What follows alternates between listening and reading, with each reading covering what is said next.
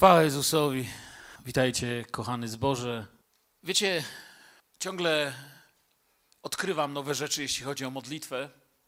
I dzisiaj rano, kiedy mieliśmy wcześniej rano tą modlitwę ciszy tutaj, odkrywam, że bardzo potrzebuję takiego trwania przed Panem, ale też teraz, kiedy możemy uwielbiać, odkrywam, że bardzo potrzebuję ale i kiedy są potrzeby, odkrywam, że bardzo potrzebuję. Potrzebujemy uczyć się modlić, bo to jest to, co poprosili również uczniowie Pana Jezusa. Panie, naucz nas modlić się.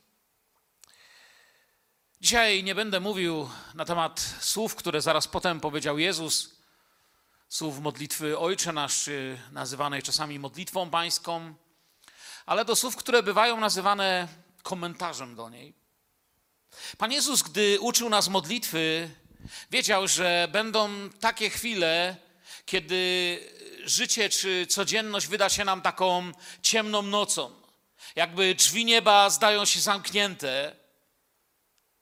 I chciał nam pokazać, że to nie drzwi nieba są zamknięte, tylko my musimy się ciągle nauczyć tego, jak blisko przebywać i w jaki sposób czerpać z niego błogosławieństwo, które on wyciąga w swojej dłoni. Wiecie, nigdzie tak jak w modlitwie też, powtórzę, nigdzie tak jak w modlitwie, nie dostrzegamy naszego prawdziwego stanu. Jeżeli z człowiekiem się dzieje coś nie tak w kościele, to powiem wam tak, nawet jeżeli już trochę zaczyna grzęznąć w grzechu, nie wiem, jakikolwiek by to grzech był, to jeszcze jakiś czas potrafi śpiewać, jeszcze potrafi robić pobożne miny, jeszcze potrafi nawet mówić, że przeczytał ciekawą książkę, ale pierwsze co odkrywa, odkrywa tylko między sobą i Bogiem, że już nie potrafi się modlić, nie potrafi przyjmować modlitwie, nie wychodzi po modlitwę wiary, ponieważ czuję, że jest jakaś toksyczność, jakieś, jakieś oddzielenie. A więc y, jakość naszej modlitwy pokazuje nasz prawdziwy stan. Wszystko inne, jak mówię, jeszcze działa. Najpierw przestaje działać modlitwa. I oczywiście myślę, że wszyscy tutaj jasno to y, zrozumieli, że nie mówię tutaj o tej oficjalnej modlitwie przy innych. Oczywiście powtarzać na pamięć pewne słowa jeszcze potrafimy, jeszcze potrafimy powiedzieć chwała Panu, chwała Bogu i, i nawet y, co, jakieś słowa. Ale czujemy, że nasza modlitwa traci pewne duchowe pomazanie, duchową jakość. Kiedyś biegliśmy do niej z wiarą, a gdy coś jest nie tak, czujemy, że nie ma po co. To jest czas na pokutę, nie na upartość.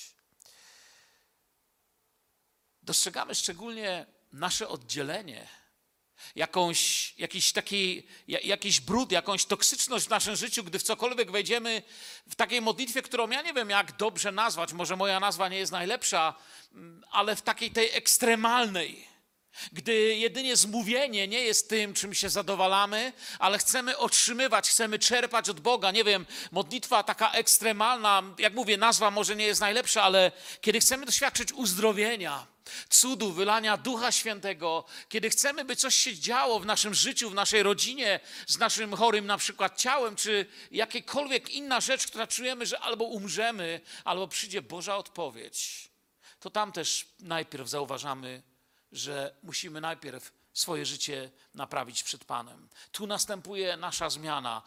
Trwaj w modlitwie, a będziesz trwał w ciągłej, ciągłej zmianie. Ta ciągła zmiana to jest y, naśladowanie, upodabnianie się do Jezusa. Czasami bolesna, bo gdzie człowiek też przechodzi różne etapy, kiedy modlitwa mu nie działa.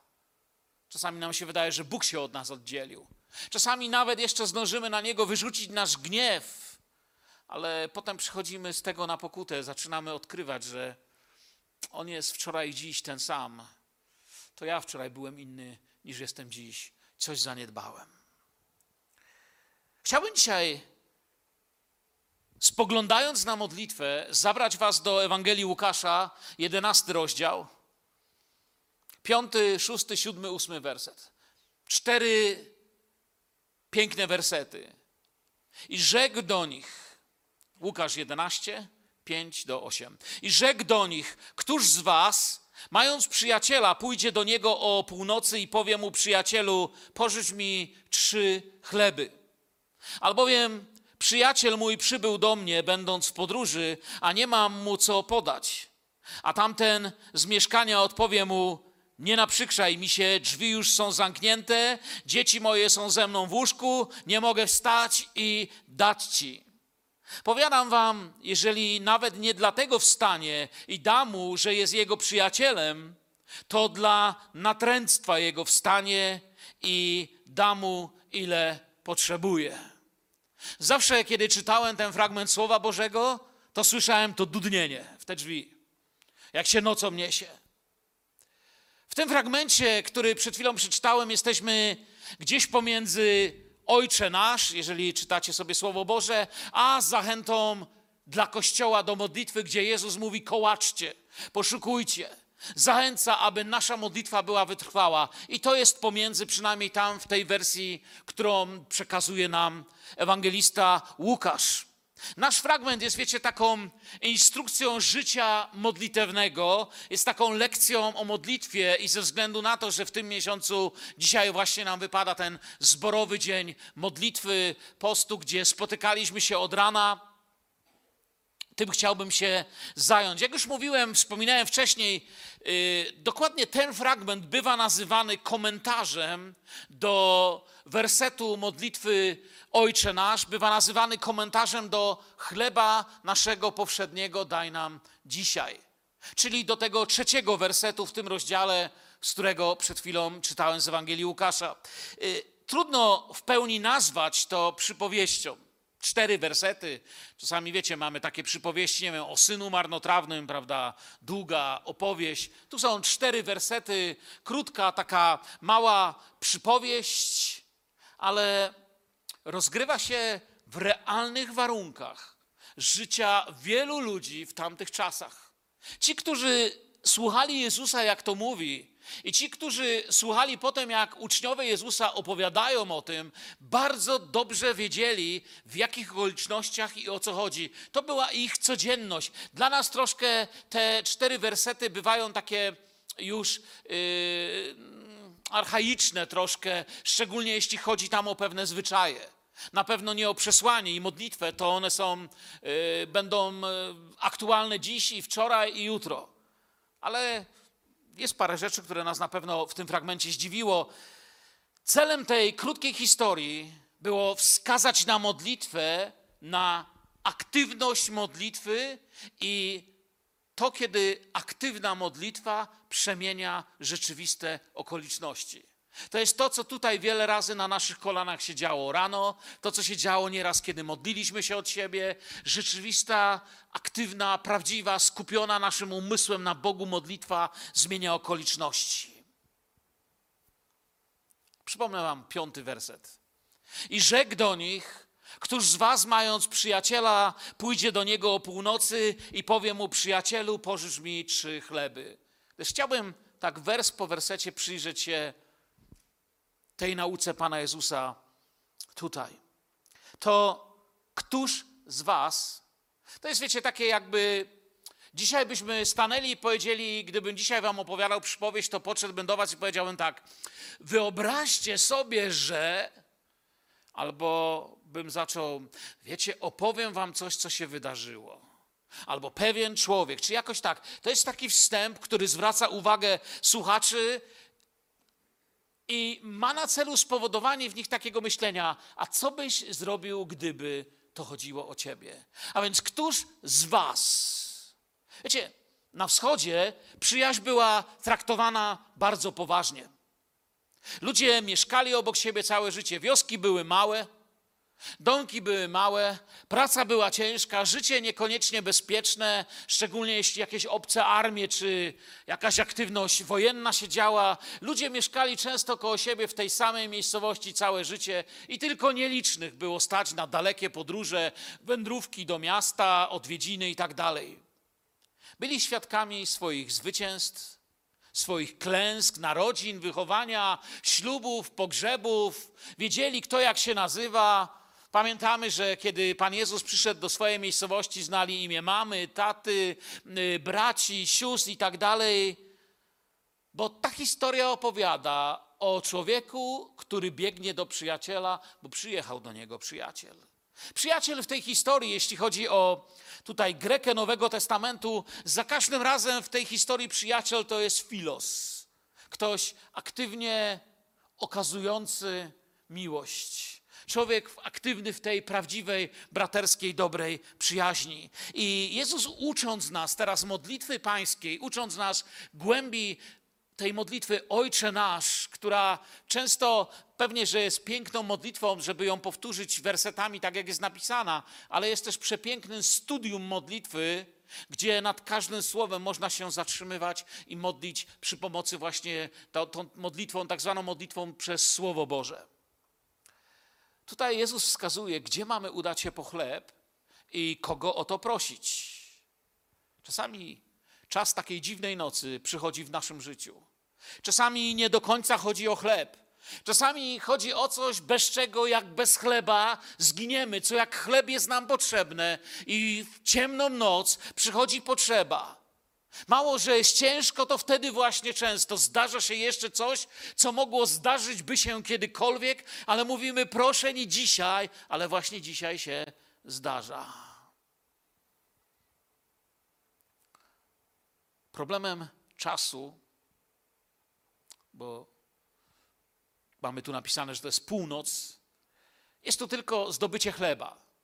I znowu wiemy, że powiedziałem przed chwilą, że ludzie tamtych czasów, dla nich to nie było e, czymś, czymś dziwnym, że ten człowiek przyszedł o północy.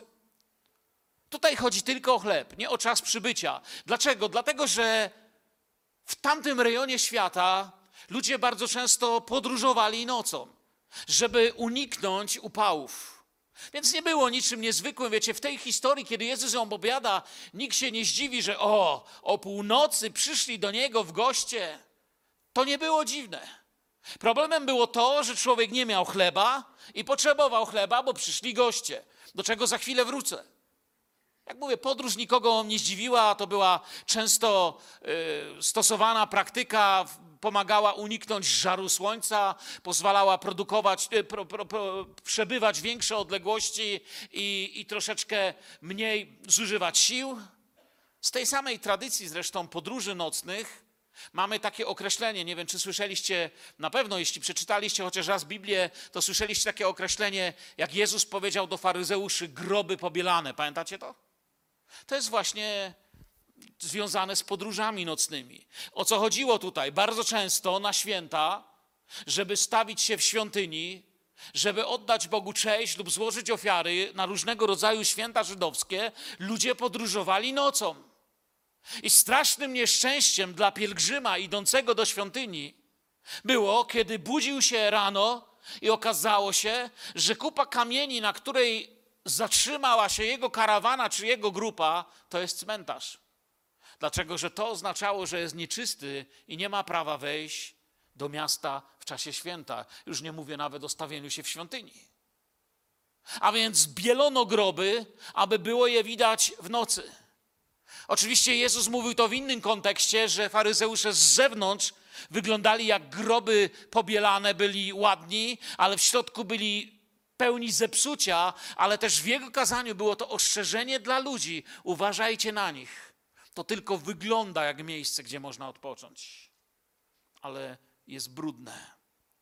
Północ to jakby w sensie niespania, obawy. Północ to taki czas, gdy wszędzie jest naprawdę ciemno i są raczej małe szanse, że się coś załatwi.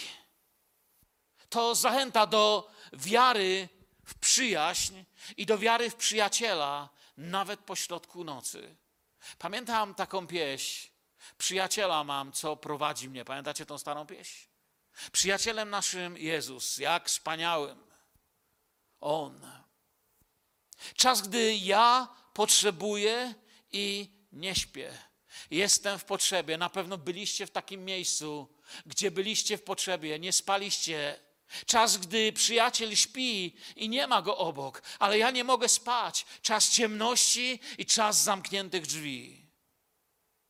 I on idzie nocą po chleb. Ale to jest głębsze. Werset piąty mówi tutaj to słowo, że pójdzie.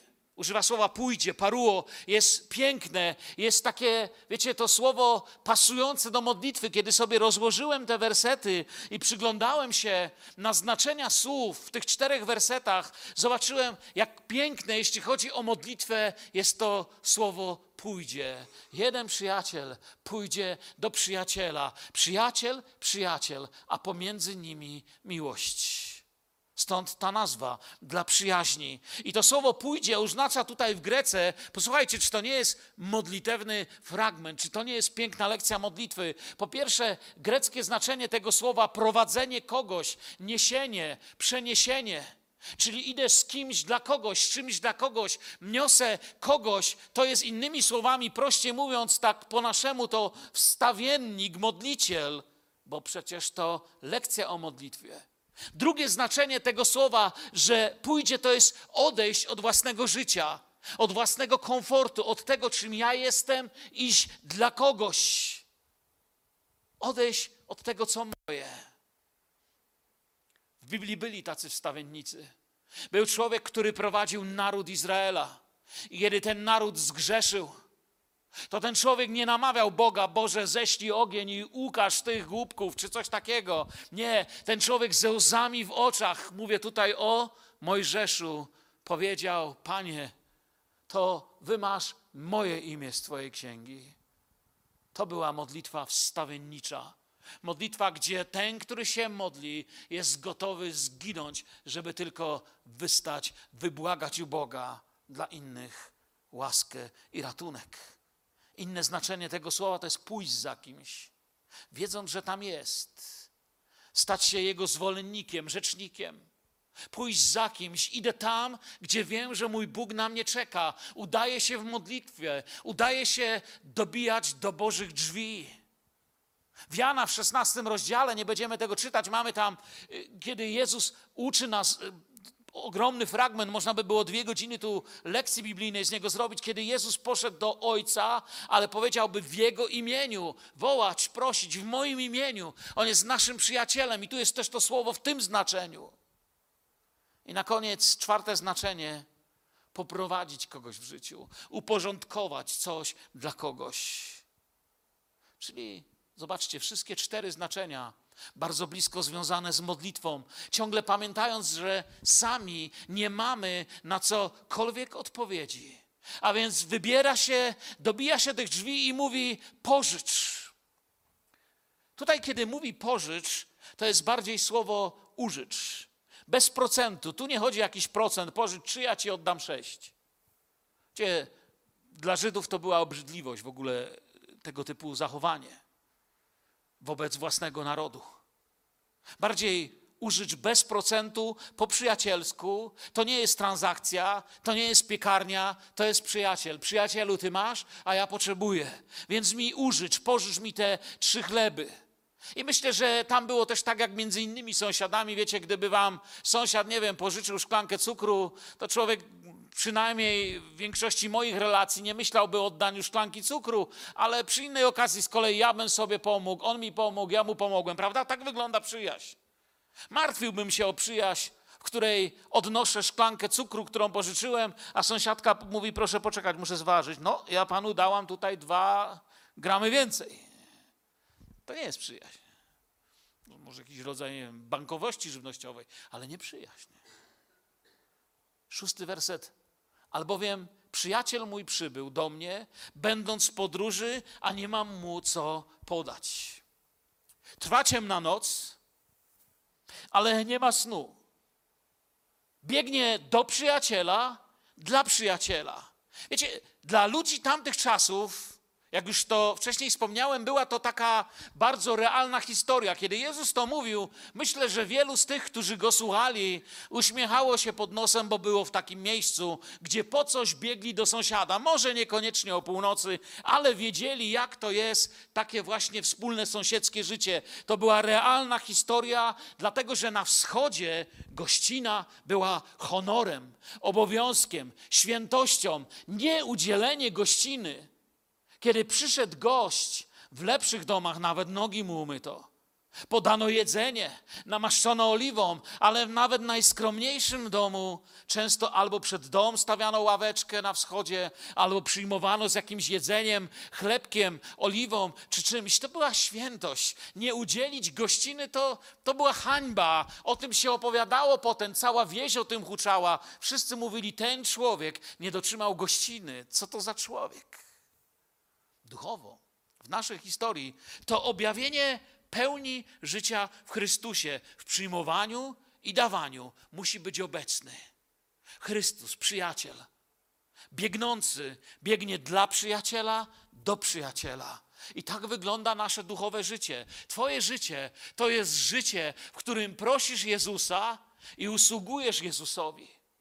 Ktoś powie, co on mówi? Zaraz wam to pokażę. Myślę, że niektórzy już to złapali, że wytłumaczę to. Jezus jest dawcą wszelkiego naszego błogosławieństwa. Amen? Czy nie? Tak jest? Jezus wszystko, co mamy, zawdzięczam Bożemu błogosławieństwu, ale też Jezus jest zbiorcą wszelkiego naszego dawania z miłości bliźniego. Jeżeli moje chrześcijaństwo jest zdrowe, to wszystko, co mam, nie jest efektem mojej pychy, kradzieży, kombinacji, ale Bożego błogosławieństwa w odpowiedzi na moją relację z Panem, a to wszystko, co mam, co oddaję, czy wydaję, czy zużywam na coś, zużywam zgodnie z Bożą wolą. Zobacz, na co wydajesz pieniądze, zobaczysz, kto jest Twoim Panem.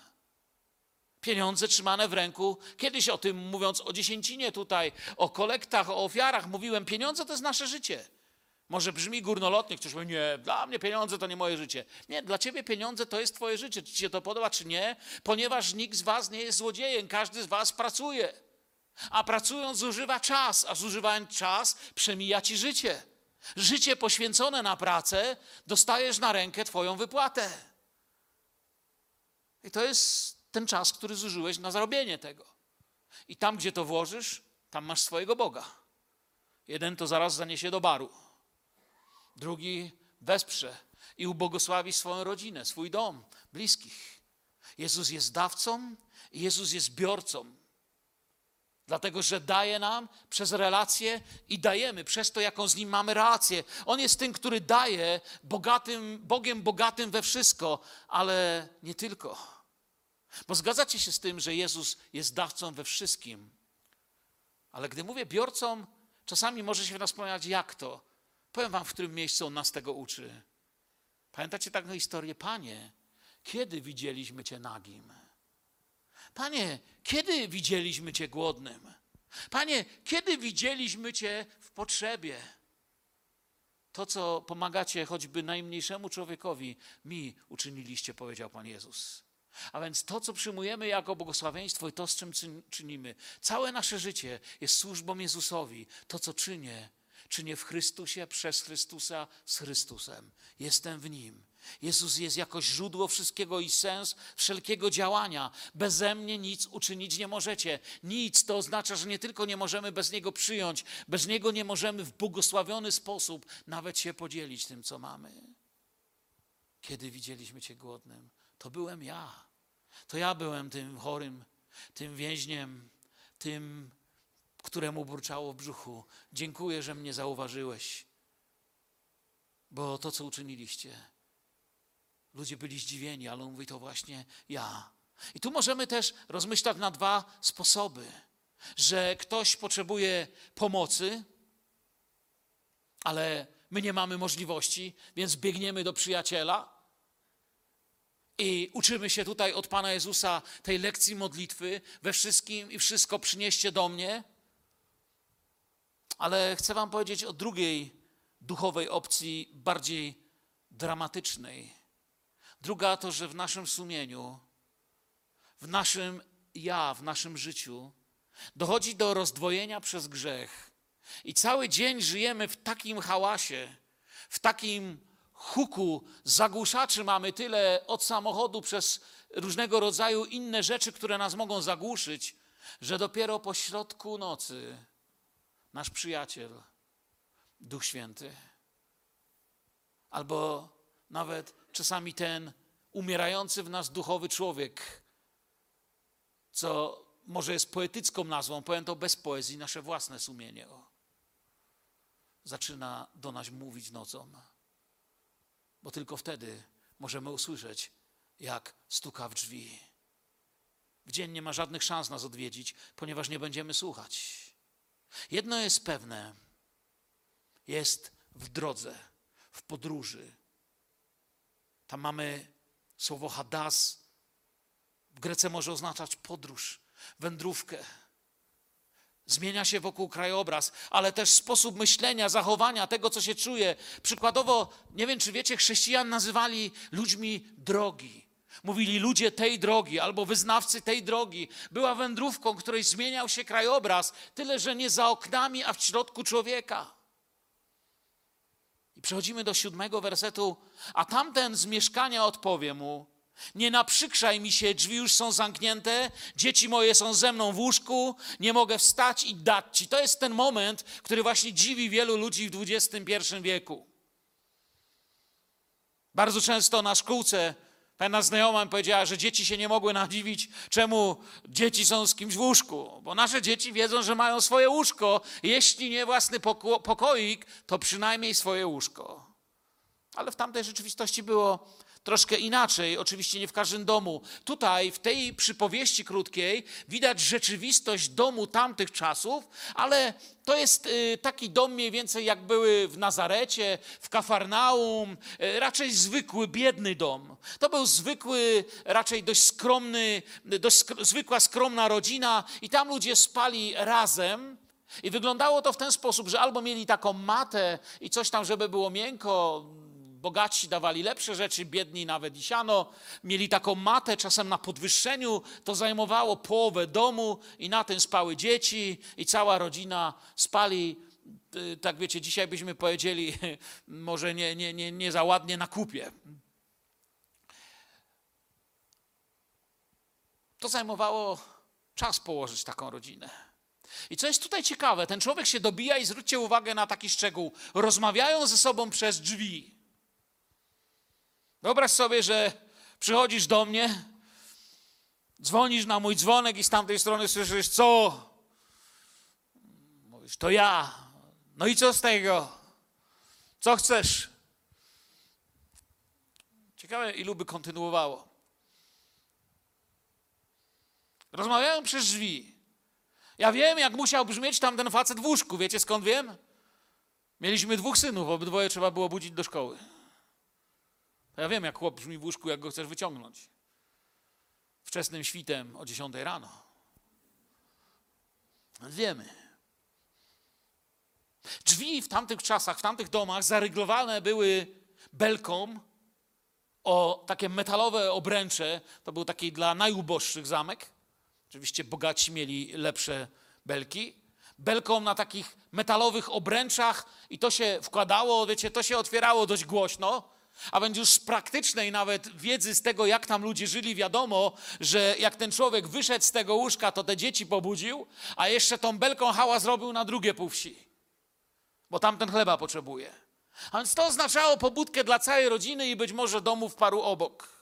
Musieli być naprawdę dobrymi przyjaciółmi, jeśli proszący wierzył, że dostanie chleb i że nadal będą sobie mówić dzień dobry i będzie mieszkał obok ale jednak woła i prosi. A Jezus nam mówi: uczcie się z tego modlitwy. To jest właśnie modlitwa. Ona się opiera na relacji, wybaczeniu, byciu ze sobą, czasem trudnych sytuacjach, czasem okolicznościach niewygodnych dla nas, gdy sprawy bliźniego dobijają się do naszych drzwi, bo nie chodzi o mnie, chodzi o mojego Pana. Ten werset ma pokazać desperację proszącego. Podkreśla ją w wersecie ósmym to, to jak niewłaściwy to czas. Często czujemy, że drzwi są zamknięte. I Bóg to używa, aby opowiedzieć nam o modlitwie. Bóg nie pyta teraz, co ty czujesz. Ja mówię, czuję, że drzwi są na, zamknięte. Nie pytam cię, co czujesz. Może siedzisz tutaj dzisiaj i opierasz twój cud, to to się modlisz. Jesteś może chory, nieszczęśliwy, albo jest jakaś sprawa, przy której mówisz tak, czuję, że tego się nie da załatwić. Bóg mówi: Ja nie pytam, co ty czujesz. Uczucia nie są najlepszym doradcą, jeśli chodzi o fakty. Ja się pytam, w co ty wierzysz? Wierzysz w naszą przyjaźń? Wierzysz w Kościół? Wierzysz w przyjaźń? Wierzysz w ludzi? Czas jest zły, ale Bóg jest dobry. I w Biblii widzimy, że to dobijanie się przynosi efekt. Inna jest taka brutalna historia. Mamy wdowę i niesprawiedliwego sędziego w Biblii na przykład. Podobnie to dobijanie się w końcu sprawia, że otrzymuje to, co chce. Albo mamy inną, przepiękną, wręcz miłosną, romantyczną historię, gdy w pieśni nad pieśniami chora z miłości oblubienica poszukuje go, biega, ryzykuje, bo miłość nie pozwala jej spać tą ciemną nocą bez oblubieńca. I przechodzimy w ósmy werset. Powiadam wam, jeżeli nawet nie dlatego wstanie i da mu, że jest jego przyjacielem, to dla natręctwa jego wstanie i da mu, ile potrzebuje. Zacznę tak. Bóg milczy na nasze marudzenie i roszczenia. Przed Bogiem nigdy nie możemy się modlić w ten sposób, żeby się, nie wiem, Panu Bogu zrobiło nasz żal. Jemu już się zrobiło żal. I dlatego, że mu się zrobiło żal i nad nami zapłakał, mamy opowieść o Golgocie, śmierci i zmartwychwstaniu. I w tej sile Bóg ma dla nas odpowiedź. To nie chodzi o nasze roszczenia, o nasze wymagania. To chodzi o to, byśmy wierzyli, że On nas kocha i ma dla Ciebie odpowiedź w modlitwie. On nie na roszczenia i wymagania się odezwie, odzywa się na naszą wiarę, na naszą upartość wiary, na nasze trzymanie się tej relacji, kiedy w Nim składamy. W Panu złożyłem moją nadzieję, pisze psalmista. Wczesny Kościół, Kościół pierwszych wieków, o tak mogę powiedzieć, widział tutaj obudzonego środkiem nocy, prawdziwego przyjaciela Pana, zmartwychwstałego. Wczesny Kościół często mówił, że oto obraz tego, który po środku nocy śmierci wstał z martwych i stał się naszym chlebem. Wstał z martwych, byśmy w nim mieli siłę dalej żyć, byśmy w nim mieli siłę przyjąć tych, którzy przyjdą do naszej wspólnoty, się nakarmić. Tak na to patrzyli. Prześladowani, poniżani, widzieli tego, którego Bóg podniósł, który jest ich zaopatrzeniem. Gdyby nie wstał, nasze potrzeby nie byłyby wysłuchane. Każda ludzka noc byłaby bez odpowiedzi. To nie historia jedynie kogoś, kto się dobijał po chleb.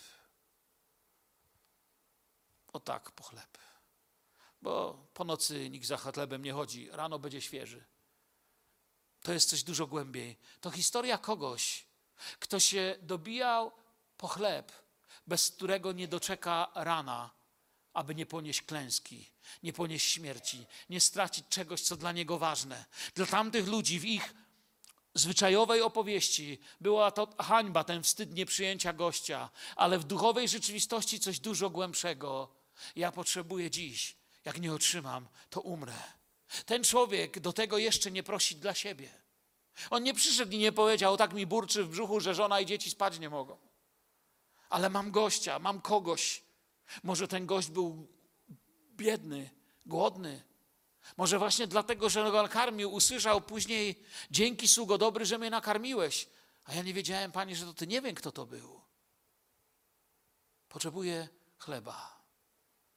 Inna myśl, która mi przyszła do głowy, kiedy to czytałem pierwszy raz, pamiętam moje pierwsze spotkanie z tym słowem, to zastanawiałem się, po co temu gościowi trzy bochenki chleba.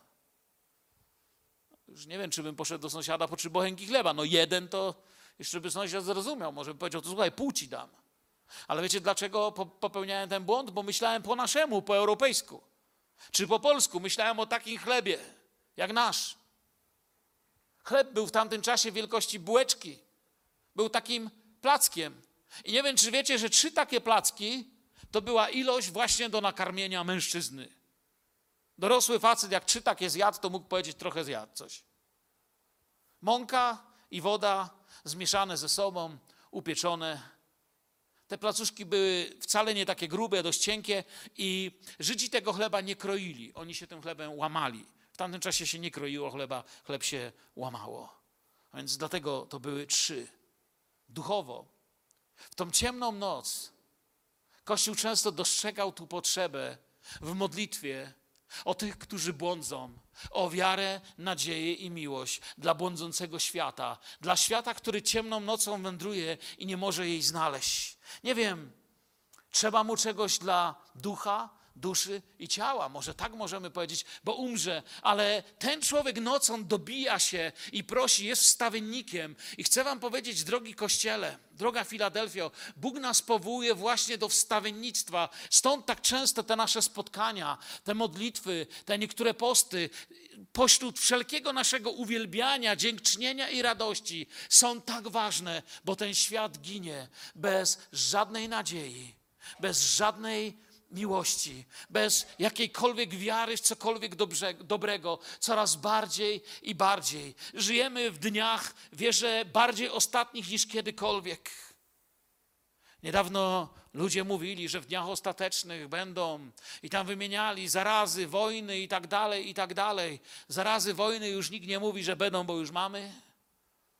A nie wiadomo, czy się nam głód nie zbliża. Ale mamy naszego Jezusa Żyjemy w najlepszych czasach, w jakich Bóg mógł Cię postawić, by świat od Ciebie dowiedział się, że Jezus żyje i jest dobry. Amen. Potrzebuję Go jak chleba. Brać i dawać. W Jego imieniu, przez Jego łaskę przyjmować i w Jego imieniu, przez Jego łaskę rozdawać. Nigdy nie jest nam potrzebne trochę Jezusa. Nigdy nie bądź chrześcijaninem, który potrzebuje trochę Jezusa, trochę pośpiewać, trochę nabożeństwa, trochę coś zrobić. Nigdy nie potrzebujesz trochę Jezusa. Zawsze potrzebny jest nam cały Jezus. Bo jeśli się będziemy tak oszukiwać, to w dniu próby, gdy będziemy wołać, odkryjemy, że nigdy nie ma się trochę. Albo się jest z Nim, albo nie. I tu mamy to słowo natręctwo. Natręctwo. Czyli jest natrętny. Wali, drzwi się ruszają. Gdyby mieli w tamtych czasach elektryczność, to by się światła zaczęły zaświecać. Wtedy palili oliwią, więc byle powodu nie zapalali. Jest takie greckie słowo anandaja. To jest to uszyte tutaj jako natręctwo. I tłumaczy się dosłownie, bo jak spytasz, czym jest natręctwo, to w tym znaczeniu tutaj natręctwo oznacza ten człowiek przyszedł natrętnie, albo inaczej tłumacząc dosłownie z tego słowa anandaja, ten człowiek przyszedł z absolutnym brakiem wstydu. On już nie miał żadnego wstydu, żeby prosić i dobijać się pomocy. Pamiętamy, jak się modliła na przykład Anna. Anna się tak modliła, że Heli pomyślał, że jest pijana. Przyszedł do niej w Starym Testamencie, jeśli czytaliście, i powiedział: Dosyć tego picia. Kobieto pijana na modlitwę przysłaś. Ona mówi: Nie, panie, nie jestem pijana. Ale z sercem mi pęka. Modlę się, bo jest coś, co bardzo, bardzo chcę od Boga. I jak wiemy, to się skończyło wielkim błogosławieństwem dla niej. Czasami życie właśnie stawia ludzi w takiej sytuacji, że nie liczy się wstyd, ale potrzebuję. Muszę to dostać, to co niezbędne, bo jak nie dostanę, to umrę. Potrzebna mi jest modlitwa. Nieraz mówiliśmy, że modlitwa nie zmienia Boga. I to jest prawda. Modlitwa nie zmienia Pana Boga. Modlitwa zmienia nas. Spotkanie zawsze następuje w drzwiach. I są tylko jedne drzwi.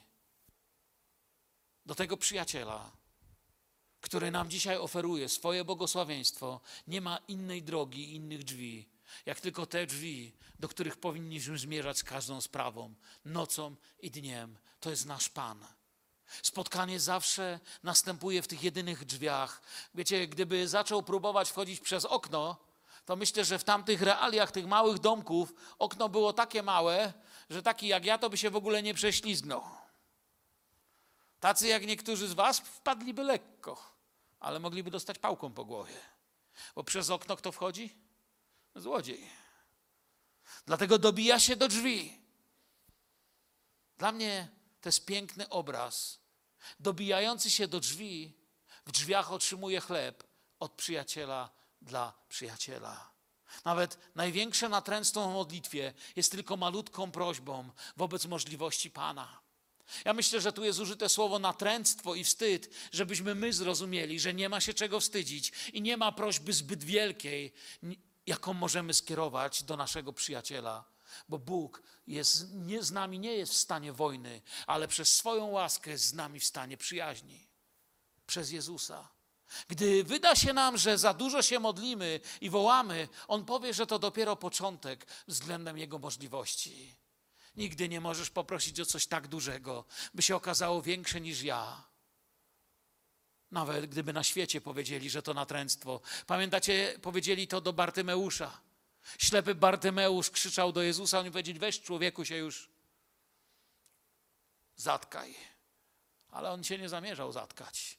I dlatego, że nie zamierzał być zatkany, zaczął być uzdrawiany, czy był uzdrowiony przez Jezusa. I to jest to, czym się dziś chciałem podzielić. Kończąc, zanim się z Wami pomodlę, chcę, by dzisiaj Pan włożył nadzieję w Twoje serce, że w środku nawet nocy, jeśli jesteś, nadal się dobijaj, nadal, nadal nie rezygnuj, nadal, nadal wołaj do swojego Zbawcy. Chciałbym dzisiaj, kończąc ten dzień postu i modlitwy, tym nabożeństwem, powiedzieć do Was, jeżeli jesteś w środku takiej nocy i czujesz, że brak ci już siły w tą noc przemierzać i się modlić, albo znasz kogoś i modlisz się o niego, ale noc jak ciemna jest, tak ciemna. Chcesz być wytrwały, ale powoli brakuje siły. Nie wiem, czy byliście w takim miejscu. Ja w paru sprawach w moim życiu byłem w takim miejscu, gdzie myślałem już, że się zatrzymam, że nie wiem, że chyba przestanę się modlić. Ale potem sobie właśnie przypominałem, że nie po to Bóg mnie tyle miesięcy pobudzał do tego, by teraz zostawić mnie pośrodku pustyni samego. Nie po to tyle lat mnie Pan chronił, budował, karmił, napełniał swoim słowem, żebym kilka dni przed tym, jak mogę oglądać cud, przestał się modlić o tych, kogo kocham i o sprawy, które wierzę, że On może dać. Czy potrzebujesz dziś modlitwy o ciebie, bo zaczynasz wątpić, zaczyna ci brakować siły? Zaczynasz czuć, że ciężko ci, nie wstydź się dziś. Ja nie wiem, czy na tej sali jest jedna osoba, która by nie powiedziała, że bywało, że jej brakuje siły. A więc wstydzić się nie musisz. To jest to słowo. Zostaw wstyd. Uruchom zamiast wstydu kolejną gorliwość. Chcemy się pomodlić o wytrwałość dla Ciebie. Jeśli jesteś w takim miejscu dzisiaj, że siły Ci powoli brakuje to przyjdź tu do przodu. To będzie znakiem, że mówisz do zboru: pomóżcie się o mnie. Potrzebuję posilenia, bo sprawa trudna, droga daleka, a sił nie zawsze starcza. Jesteś wśród swoich, amen? Jesteś wśród braci i sióstr. Są ludzie, którzy podejdą się z Tobą pomodlić. Starsi zboru i bracia i siostry, którzy usługują modlitwą. Wierzę, że podejdziecie. Jeżeli jesteś dziś w potrzebie, chodź teraz do przodu. Chcemy się o Ciebie pomodlić.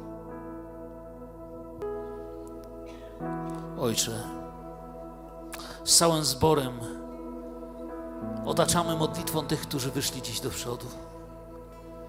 I prosimy Ciebie, aby to było miejsce odpowiedzi, aby to było miejsce cudów, aby to było miejsce, kiedy Ty podnosisz biednych, głodnych, nagich, chorych, czymkolwiek jesteśmy, czasami widać na nas jakiś nasz uśmiech, jakieś pozory, ale Ty widzisz, kim jesteśmy naprawdę. Proszę Cię o każdego, kto dzisiaj tutaj wyszedł do przodu, abyśmy wkrótce mieli wiele, wiele świadectw o tym, że żyje Jezus, odpowiada Jezus, porusza się pośród nas Duch Święty. Dziękuję Tobie, że jest, Panie, tyle łaski, tyle dobra i tyle cudów w Twoim działaniu, że Ty podniosłeś z choroby, z nędzy i z biedy tylu z nas. O Panie, dzisiaj błogosławię tych, którzy mieli tą odwagę powiedzieć: Brak mi siły, Kościele, wołam, pomóż mi się modlić, Kościele. Panie, chcemy być odpowiedzią dla nich w naszych dniach dzisiaj, kiedy akurat mamy się troszkę lepiej. Dziękuję Ci, że Ty jesteś pośród nas obecny. O, tak Ci dziękuję, że Twój Duch Święty jest pośród nas. Panie, chwała Tobie i cześć że Ty będziesz teraz odpowiadał i dotykał. Chcemy się modlić z każdym z nich w imieniu Jezusa. O Kościele, trwajmy w modlitwie o tych, co są w potrzebie. Amen. Amen.